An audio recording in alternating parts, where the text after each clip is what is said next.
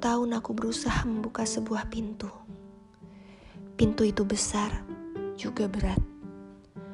Aku membayangkan pintu itu pasti berasal dari kayu yang terbaik. Mungkin antara kayu meranti atau kayu mahoni.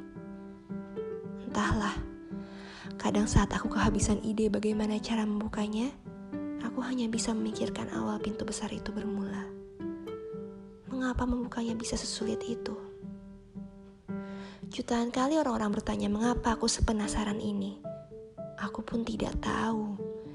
Yang aku tahu agaknya di belakang pintu itu terdapat suatu tempat yang elok. Tempat yang di dalamnya merupakan perpaduan dari angan-angan dan realitas. Memang ada lagi yang bisa lebih indah dari mimpi yang jadi nyata. Tidak kan?